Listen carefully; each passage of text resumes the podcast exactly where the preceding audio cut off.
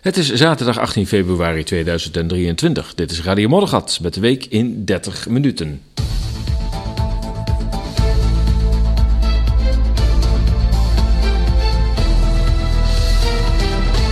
Een hele goede middag, morgen, avond, nacht, wanneer je ook luistert. Dit is weer Radio Moddergat met de wereld in 30 minuten. Met onder andere NGO's vormen een schaduwoverheid. Vernedering Europa en Duitsland door onze NAVO-vrienden.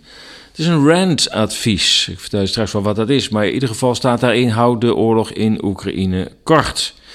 Dan dook er nog een BVD-rapport op van Simon Kamichelt, een oud-Nederlandse schrijver. En natuurlijk weer aan het eind van deze 30 minuten verhalen van de gewone Rus. Maar we gaan eerst naar de andere kant. Want die hadden een artikel afgelopen week waarbij eh, wordt eh, verteld over de honderden eh, NGO's, oftewel non-governmental governmental organizations, oftewel allemaal organisaties die niet tot de regering behoren.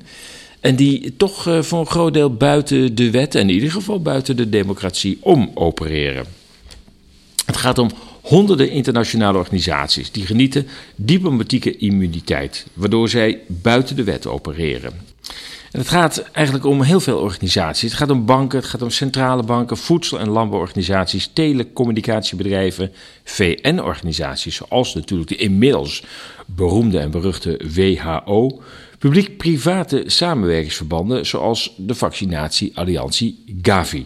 Citaat: Dit is het controlenetwerk van de nieuwe wereldorde. Einde citaat. Dat zegt onderzoeksjournalist Corey Lynn in een exclusief interview met de andere krant. Citaat: Dit is een verhaal dat zoveel mogelijk moet worden gedeeld met de wereld. We moeten ervoor zorgen dat we onze soevereiniteit herwinnen. Geld dat van ons is, is gestolen en dat moeten we terugvorderen. En een einde maken aan de immuniteit van de internationale organisaties. Want die wordt misbruikt voor macht en eigen gewin. Al dus uh, Corey Lynn. Deze Amerikaanse onderzoeksjournalisten ontdekten dat er een groot netwerk bestaat van internationale instellingen die buiten de wet opereren. Dit proces is begonnen in 1946, nadat de VS de, internationale, ehm, de International Organizations Immunities Act heeft aangenomen. En deze wet stelt: de Amerikaanse president is staat immuniteit te verlenen aan elke organisatie. Daarnaast zijn er verdragen met landen als Zwitserland en andere overeenkomsten die hun onschendbaarheid versterken.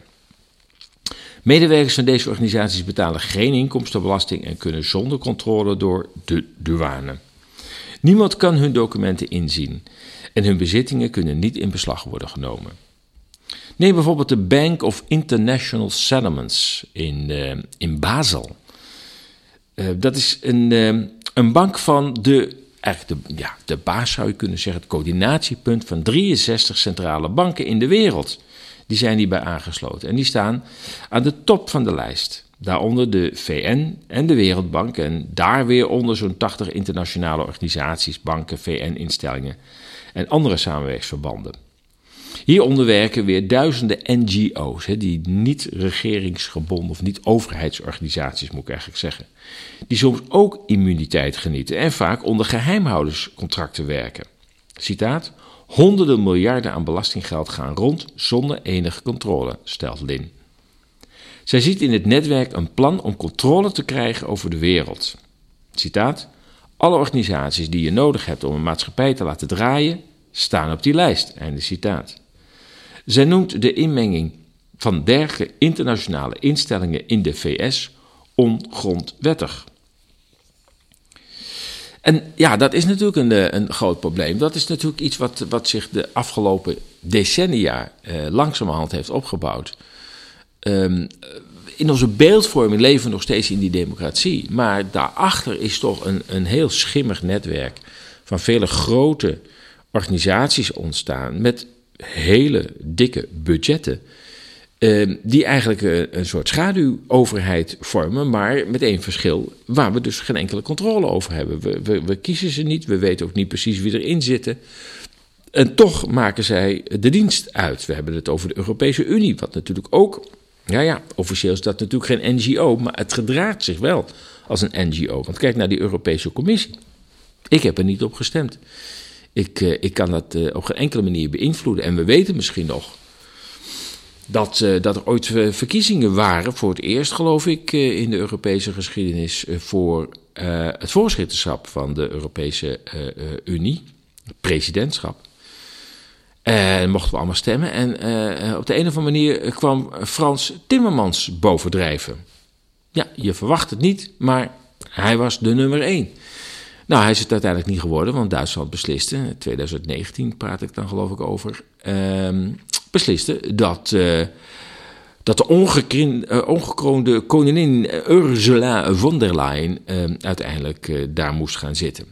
Dat zou te maken kunnen hebben met wat er het jaar erop gebeurde, Namelijk COVID en de hele heisa rond die, die vaccins.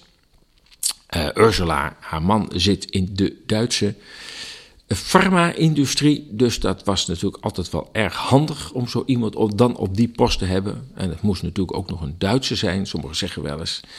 Duitsland heeft de Tweede Wereldoorlog uiteindelijk toch gewonnen, want ze zitten allemaal op centrale posities. Daar komen we straks nog op. Um, en uh, ja, uh, Ursula heeft uh, haar diensten bewezen als inkoper van miljoenen vaccins.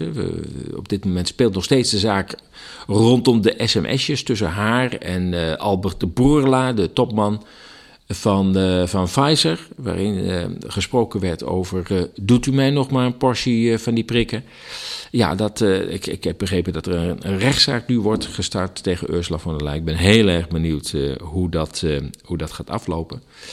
Maar in ieder geval het feit dat we dus al 30 jaar lang of 40 jaar lang heel langzamerhand ja, aan ons oog heeft ontrokken dat, dat zich een hele schaduwoverheid, internationaal opererend, heeft opgebouwd.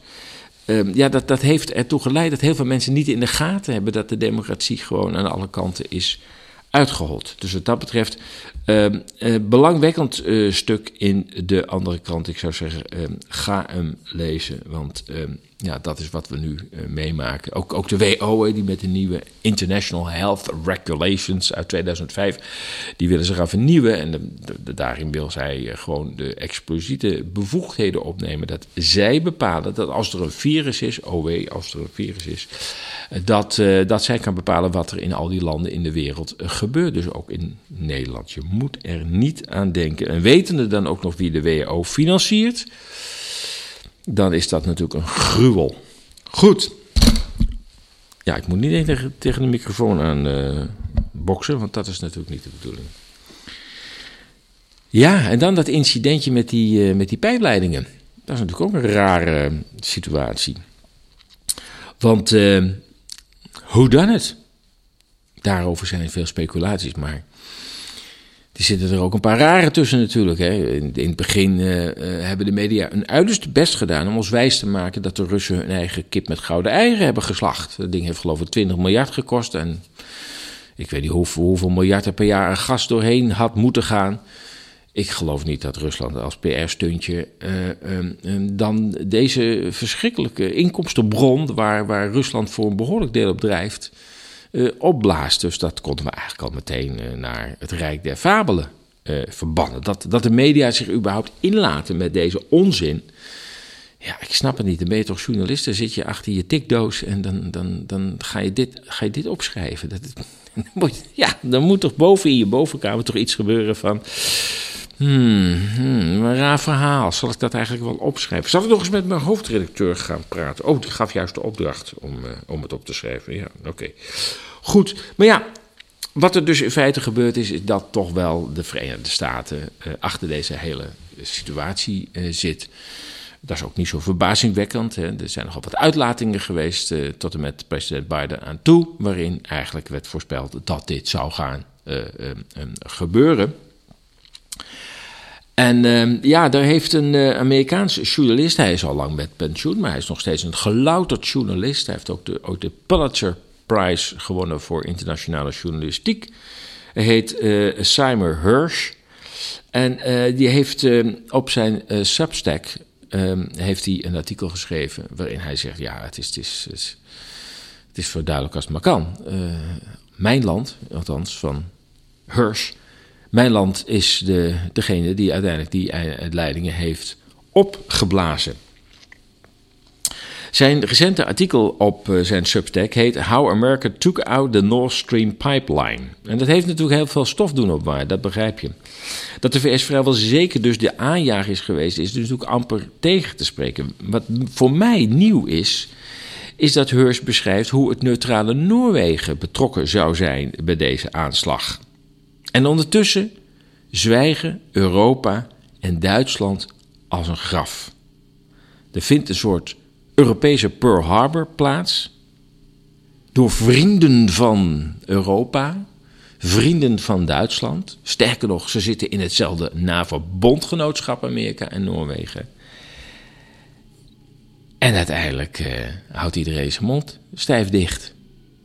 En vooral ja, zie je toch bij de alternatieve media in de Verenigde Staten een enorme verbazing dat Duitsland gewoon zijn mond dicht houdt. Wat voor land is Duitsland? vragen sommige Amerikanen zich af. Hoe kan het dat zo'n, ja, toch tamelijk economisch machtig land zich zo laat ringeloren, zo uh, haar economie laat verstoren en daar niets van zegt? Ik heb alleen een heel kleine interpellatie gezien van uh, een Duitse uh, parlementslid van de AFD, de Alternatieve Vuur Duitsland. En zullen sommigen zeggen: ja, ja, ja, dat is het vorm voor democratie van Duitsland. Nou, ik geloof niet dat je ze zo kunt vergelijken. Maar goed, los daarvan, er is dus maar één partij in de Duitse Bondsdag die uh, het daar gewacht van heeft gemaakt. En gezegd van ja, hallo, kijk eens wat hier gebeurt. Waren dit niet onze vrienden die ons nou uh, vier keer zo duur fracking gas, gas aan het aan het aansmeren zijn en, en onze industrie onderuit gaat. Nou, ik lees even een paar stukjes voor uit dat stuk van, van Simon Hirsch. Ik citeer: Op 26 september 2022 maakte een P-8 bewakingsvliegtuig van de Noorse marine schijnbaar een routinevlucht en liet een sonarboei vallen. Het signaal verspreidde zich onder water aanvankelijk naar Nord Stream 2 en vervolgens naar Nord Stream 1. Het zijn twee pijpleidingen die overigens allebei dubbel zijn uitgevoerd. Enkele uren later werden de krachtige C4-explosieven geactiveerd en werden de drie van de vier pijpleidingen buiten werking gesteld. Ja, dat is wellicht het meest opmerkelijke deel van dat omstreden artikel van uh, Simon Hirsch. Dat de Amerikanen aanstichters zijn van deze voor Europa desastreuze daad kan nog amper worden bestreden. Al is het maar door de talrijke uitspraken van de Amerikaanse regering, die weinig ruimte laten voor een andere lezing. Neem bijvoorbeeld die van de minister van Buitenlandse Zaken Anthony Blinken, en ik citeer. Het is een geweldige kans om voor eens en voor altijd de afhankelijkheid van Europa dan, van Russische energie weg te nemen en zo Vladimir Poetin de bewapening van energie als middel voor zijn imperiale plan te ontnemen. Dat is heel belangrijk en biedt enorme strategische kansen voor de komende jaren. Maar ondertussen zijn we vastbesloten alles te doen wat we kunnen doen om ervoor te zorgen dat de gevolgen van dit alles niet worden gedragen door de burgers van onze landen of, wat dat betreft, in de hele wereld. Einde citaat. Anthony Blinken, de minister van Buitenlandse Zaken van de Verenigde Staten. Maar ja, wat te denken van onze in Europa zo populaire Victoria Nuland, de onderminister van Politieke Zaken, van die, die mevrouw van Fuck the EU. En regisseur van de Maidan-coup in 2014 hè, in Oekraïne. Nou ja, zij, sprak haar tevredenheid uit over de teleurgang van Nord Stream. Tijdens een hoorzitting van de Commissie Buitenlandse Betrekkingen van de Senaat eind januari zei ze tegen senator Ted Cruz, die ook groot voorstander was van het opblazen van de leiding. Uh, Ted komt uit een uh, oliestaat, nou dan weet je het wel. Uh, net als u, denk ik, net als u ben ik, en ik denk dat de regering dat ook is, zeer verheugd te weten dat Nord Stream 2 nu, zoals u graag zegt, een brok metaal op de bodem van de zee is. Einde citaat Victoria Nuland. Maar ja, dan hebben we de president zelf natuurlijk nog voor wat het waard is wat hij, wat hij af en toe zegt. Want nou ja, goed, laten we het daar maar niet over hebben. Maar goed, ja, hij zei onlangs ook, als Rusland Oekraïne binnenvalt, zal Nord Stream 2 hoe dan ook niet doorgaan. Nou ja, die voorbereidingen waren al lang aan de gang, alleen uh, Rusland moest nog uh, verleid worden om Oekraïne binnen te vallen. En daar heeft Amerika acht jaar gewerkt. En het wilde maar niet lukken, maar uiteindelijk lukte het dat toch, toch op 24 februari 2022. Als je maar voldoende zart, dan gaat de beer wel een keer los. Maar wat mij toch een beetje pijn doet, is ja. Um, Afgelopen jaar was ik in september in Noorwegen, sinds uh, lange tijd weer. Prachtig land. Ehm, ja, en op dat moment um, waren dus de voorbereidingen in volle gang om, om, om, om die pijpleidingen op te blazen. Eh, dan ben ik daar lekker vakantie aan het vieren. In zo'n lekker neutraal land, weet je wel, politiek onopstreden. Uh, ja, het is wel erg woke. Ik geloof dat ze nu, nu onderzoeken of witte verf misschien toch niet racistisch is, hè? Ja, ja, ja, ja, ja. Maar ja, moet je dat dan blanke verf... Oh, dat kan natuurlijk ook niet. Ja, dus ik weet niet hoe je straks toch een pot witte verf moet bestellen in Noorwegen. Maar goed, dat is dus ook Noorwegen. Maar ja, Noorwegen heeft dus ook een betrokkenheid bij, um, bij die aanslag. En dan moet je weten, NAVO, uh, Noorwegen is NAVO-lid, is een Europees land... En ook leverancier van energie. En dat is natuurlijk heel pikant. In eerdere berichten in de nieuwe onafhankelijke media werd vermoed dat naast de VS ook Oekraïne en Polen betrokken zouden zijn bij de aanslag op de gasbuizen. Dat zou echter volgens Hirsch toch niet minder dan Noorwegen zijn. Noorwegen, die nog veel herinneringen aan de Duitse bezetting heeft, werd al in 1949 lid van de NAVO. Daarmee behoorde tot de kopgroep. Ik heb ook heel veel restanten nog gezien van de Duitse aanwezigheid in Noorwegen. De, wat dat betreft heeft Noorwegen ook wat nodige meegemaakt met de nazi's. Goed, de huidige secretaris-generaal van de NAVO is ook een Noor, Jens Stoltenberg, die na acht jaar premierschap van Noorwegen in 2014 aantrad bij de NAVO. En zoals al zijn voorgangers en vermoedelijke opvolgers, een man met anti-Russische sentimenten en een gedweeën opstelling naar NAVO-baas Amerika. Ja, even een slok jongens, want op de ene manier vind ik het een lekkere combinatie. Hè? Een uitzending en dan een kopje koffie erbij. Altijd prima, op elk tijdstip. Goed, Hirsch baseert zijn artikel op aannames, logische gevolgtrekkingen, eh, gevolgtrekkingen op basis van openbare informatie en wat hij noemt een geheime bron. Bewijs levert hij niet, wel een reconstructie die meer dan aannemelijk aandoet. Um, Scott Ritter, misschien wel bekend onder de luisteraars. Uh, ooit uh, Amerikaans wapeninspecteur in Irak en Rusland. Uh, en ook bij de American Marines uh, gewerkt. Geeft bijna dagelijks, of zelfs meerdere keer per dag, een analyse over wat zich in Oekraïne afspeelt. En die zegt: ja, Hirsch is onbesproken ehm, als het gaat om ehm, zijn grondigheid. En als hij praat over een geheim bron, weet dat het meervoud is. Hij baseert zich nooit op één uh, bron. Dus uh, ga er maar van uit dat hij zich ontzettend goed heeft uh, um, gedocumenteerd als het gaat om dit onderwerp. Alleen hij wil natuurlijk die bronnen niet prijsgeven. En dat is ook een journalistiek recht. De VS hadden voor deze complexe operatie al snel de Noren op het oog. De Noren hebben ruime ervaring met olieinfrastructuur en derhalve met complexe onderwateroperaties. Bovendien was Noorwegen een trouw lid van de NAVO en die Stoltenberg was op dat moment ook nog steeds secretaris-generaal. Dat is hij nog steeds. En geruchten gaan dat, uh, dat onze illustre Rutte het gaat opvolgen. Maar goed, daar moet hij ook zoveel stoere taal naar Oekraïne natuurlijk uit uh, kramen. Dan, uh, dan blijft hij in beeld voor die post, denk ik. Goed, en uh, zonder Russisch aardgas kon de kassa in Oslo gaan rinkelen. Dus Noorwegen had een enorme incentive om die gasleiding van Rusland op te blazen. Want ja, zij leveren ook gas en olie. Um, en ja, wat gebeurde er? In de week dat Nord Stream 1 en 2 werden opgeblazen, ging een andere pijpleiding open. De Baltic Pipeline. En die loopt van, jawel, Noorwegen, via Denemarken naar Polen. En dat betekent dat A, Noors aardgas nu wordt geleverd. Maar twee, het is via Polen en dat is niet zomaar. Want je zou kunnen zeggen, waarom loopt die pijpleiding niet naar Duitsland? En dat heeft alles te maken waarschijnlijk met de rol van de Verenigde Staten daarin. Polen is duidelijk, ehm, op dit moment in ieder geval, een hele dikke maat met de Verenigde Staten. En de Verenigde Staten hebben via Polen nu weer greep op de aardgastoevoer naar Europa. Dan zeggen ze wel eens weaponizing energy, hè, dat, dat Rusland dat zou doen. Nou, die hebben dat nog niet gedaan. Maar de Amerikanen doen het bij ons natuurlijk wel. Want ze laten het nu via Polen lopen. Eerst liep het via uh, Oekraïne. Nou, dat kwam van Rusland af, dat gas. En dat ging naar Oekraïne en toen weer naar West-Europa.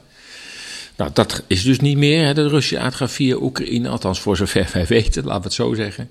Nou komt er dus Noords, Noors aardgas via Polen, waar Amerika ook uh, een, een, hele dikke vinger in de pap heeft, naar West-Europa. En daarmee krijgt Polen een enorme machtspositie binnen Europa.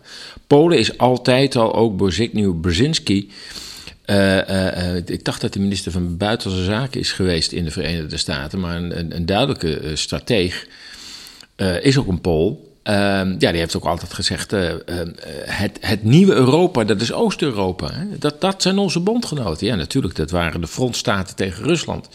En die hebben ze nu weaponized door hun de kraan van de gaskraan van Europa in handen te geven. En Noorwegen profiteert daarvan. Want ja, daar uh, gaan de Noorse kronen, die, uh, nou ja, ze zijn toch al schatrijk geworden van de energie. Uh, en er komt nog veel meer binnen op dit moment. Dus dat, dat is toch wel heel erg, uh, ja, moet, ik, heb, ik krijg een ander gevoel ineens bij Noorwegen. Goed, het hele stuk moet je maar even lezen in, ehm, uiteraard op ezas.nl. Daar staat het hele stuk uitgebreid beschreven. Ja, um, een belangrijk bericht tussendoor. Um, ik ga voor het eerst weer eens uh, rondleidingen geven in Berlijn. Dan zul je zeggen, oh, heb je dat dan gedaan? Ja, dat heb ik gedaan. Uh, tien jaar lang zelfs. Van het jaar, even kijken, 2009 tot, ja, tot 2019. Tien jaar precies. In 2020 weten we wat er gebeurt, gebeurde. Um, ik gaf rondleidingen rondom uh, stedelijke ontwikkelingen, alternatieve stedelijke ontwikkelingen. Dat waren dan rondleidingen voor uh, nou ja, beleidsmakers, stedenbouwers, bouwbedrijven, architectenbureaus. Enfin. En um, ja, nou ja, dat is een aantal jaren is dat, is dat niet meer mogelijk geweest. in ieder geval, ik vond dat niet mogelijk, hè, dat je met een mondkap, een medische mondkap in een café moest gaan zitten. En, uh, en, en, in het openbaar vervoer. En, en, dat de politie door de, de, de O- en S-baan uh, loopt om te controleren of je dat rodding op hebt. Nou, dat vond ik een sfeer waarvan ik denk, daar ga ik toch. In die sfeer kan ik dus geen mensen rondleiden. Maar goed, dat is vanaf 4 februari ten einde. Duitsland is coming to terms, zoals ze dat in Engels zo mooi zeggen. Um, en uh, het grote opbiechten is begonnen. Hè. Ook meneer Louterbach, die man met die wat rare vettige haartjes achterover, de minister van Gezondheidszorg. Je ziet het niet aan hem af, maar goed. Um, ja, die heeft nog gezegd: ja, ja, ja, ja, ja, veel van die maatregelen waren ook een beetje onzinnig. Dat zegt hij nu. Door drie maanden geleden zat hij nog de mondkap te verdedigen. Ja, wat, af en toe denk ik wel eens.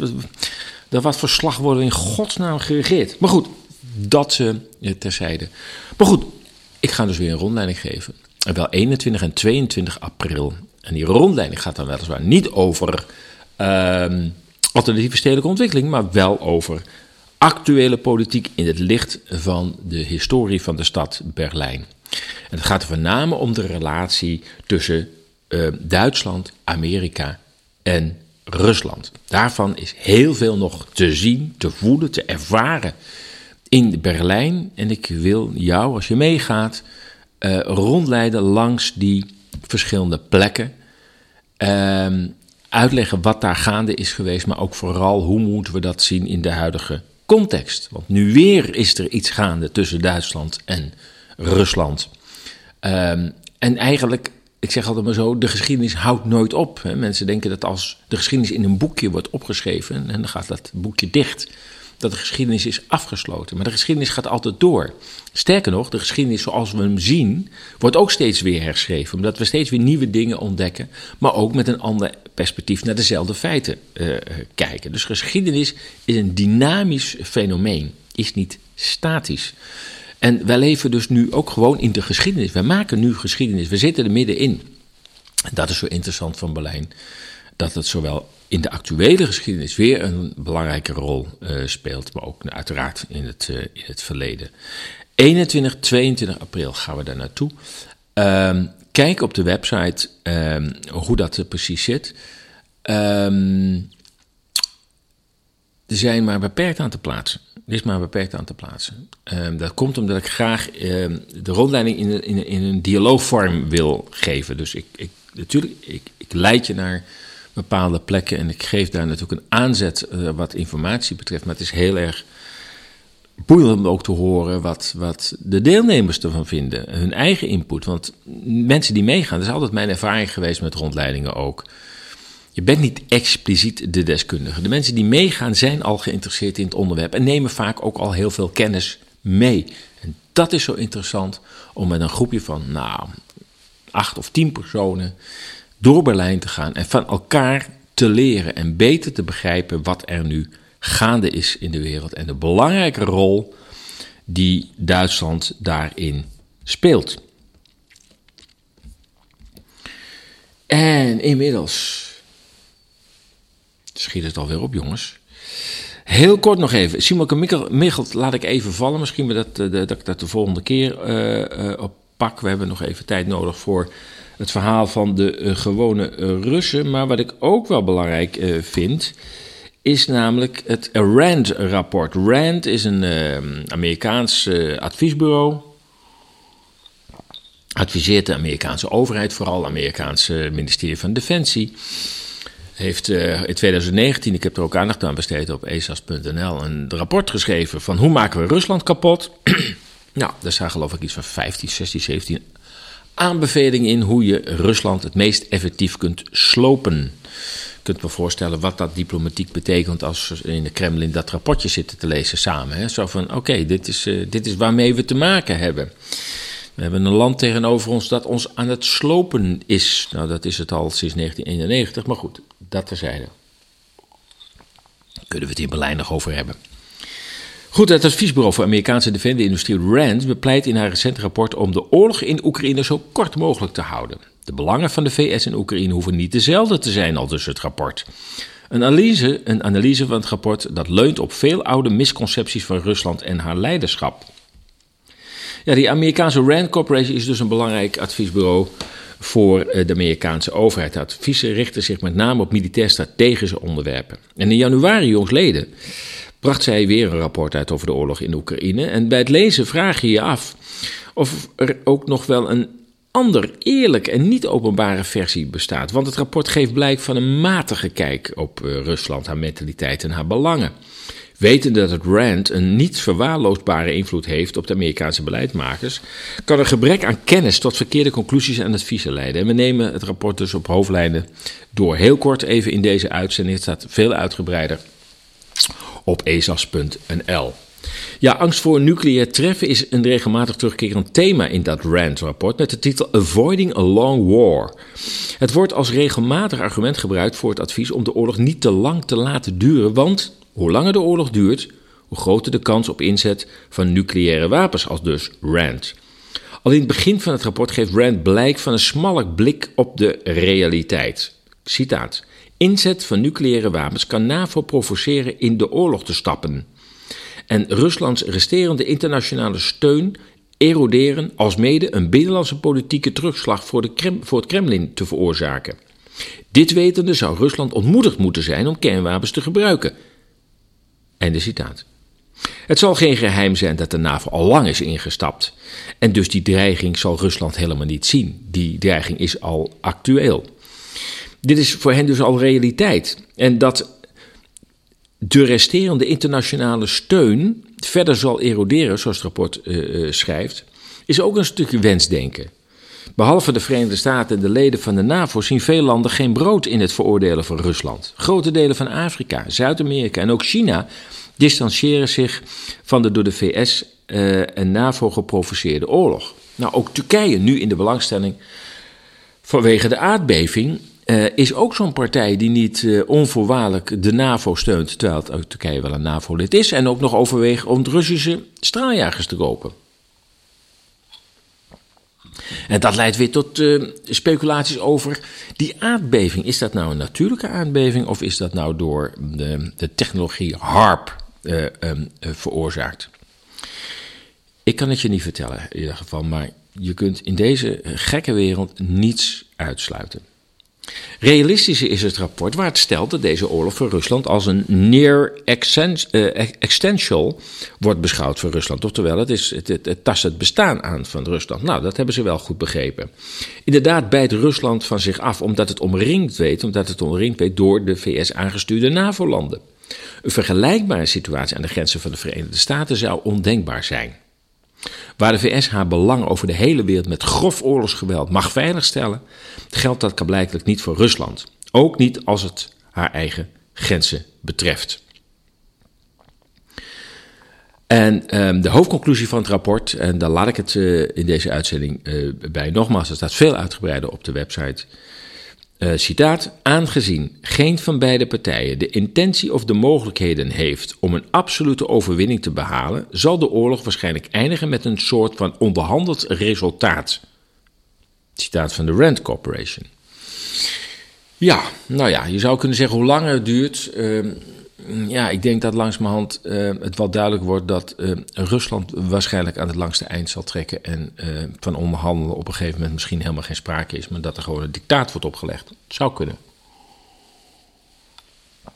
Ik ben heel benieuwd hoe dit, hoe dit verder gaat. Ja, dat het met een onderhandeld resultaat eindigt. Ja, daar eindigen alle oorlogen in. Alleen het, het, het, het, het ongelooflijk pijnlijk is dat er dagelijks 1000, 2000, 3000 mensen om het leven komen in Oekraïne. Voor een totaal onzinnige oorlog. En ik heb heel veel moeite om me in te houden als het gaat om mensen die hiervoor lopen te klappen. Oké, het, uh, het zit er eigenlijk nu alweer op. Uh, daarom ga ik eindigen met weer uh, verhalen van de uh, gewone Rus. Wat weten we eigenlijk van Rusland? Hè? Als we de media lezen, bitter weinig. Berichten komen eigenlijk helemaal niet verder dan het Russen, Rusland van Poetin. Alsof er verder niemand meer woont. Alsof de Russische president niet met veel krachten rekening moet houden. Maar kennen we de Rus in de straat eigenlijk? Wat denkt hij of zij en hoe kijkt de gewone Rus terug op de turbulente jaren 90, waarin het land door een diep dal ging?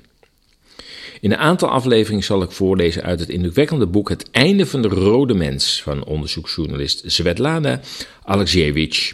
In 2015 ontving ze voor dit werk de Nobelprijs voor de literatuur. En terecht. Alexievich laat honderden getuigen aan het woord over hun leven tijdens de Sovjet-Unie en na de val van de Sovjet-Unie. Het gaat om daders en hun slachtoffers, aanhangers van Gorbachev en verstokte Stalinisten. Verhalen van een getraumatiseerd volk in een verdeeld land. De Gorbachev-jaren. De Gorbachev-jaren. Vrijheid en rantsoenbonnen. Alles was op de bon. Van brood tot griesmeel en sokken. Je stond vijf, zes uur in de rij. Maar je stond er ook met een boek dat je vroeger niet kon kopen. En je wist dat er s'avonds een film draaide die vroeger verboden was en tien jaar op de plank had gelegen. Meesterlijk. Of je had de hele dag in je hoofd dat om tien uur s'avonds het programma Zienswijze kwam.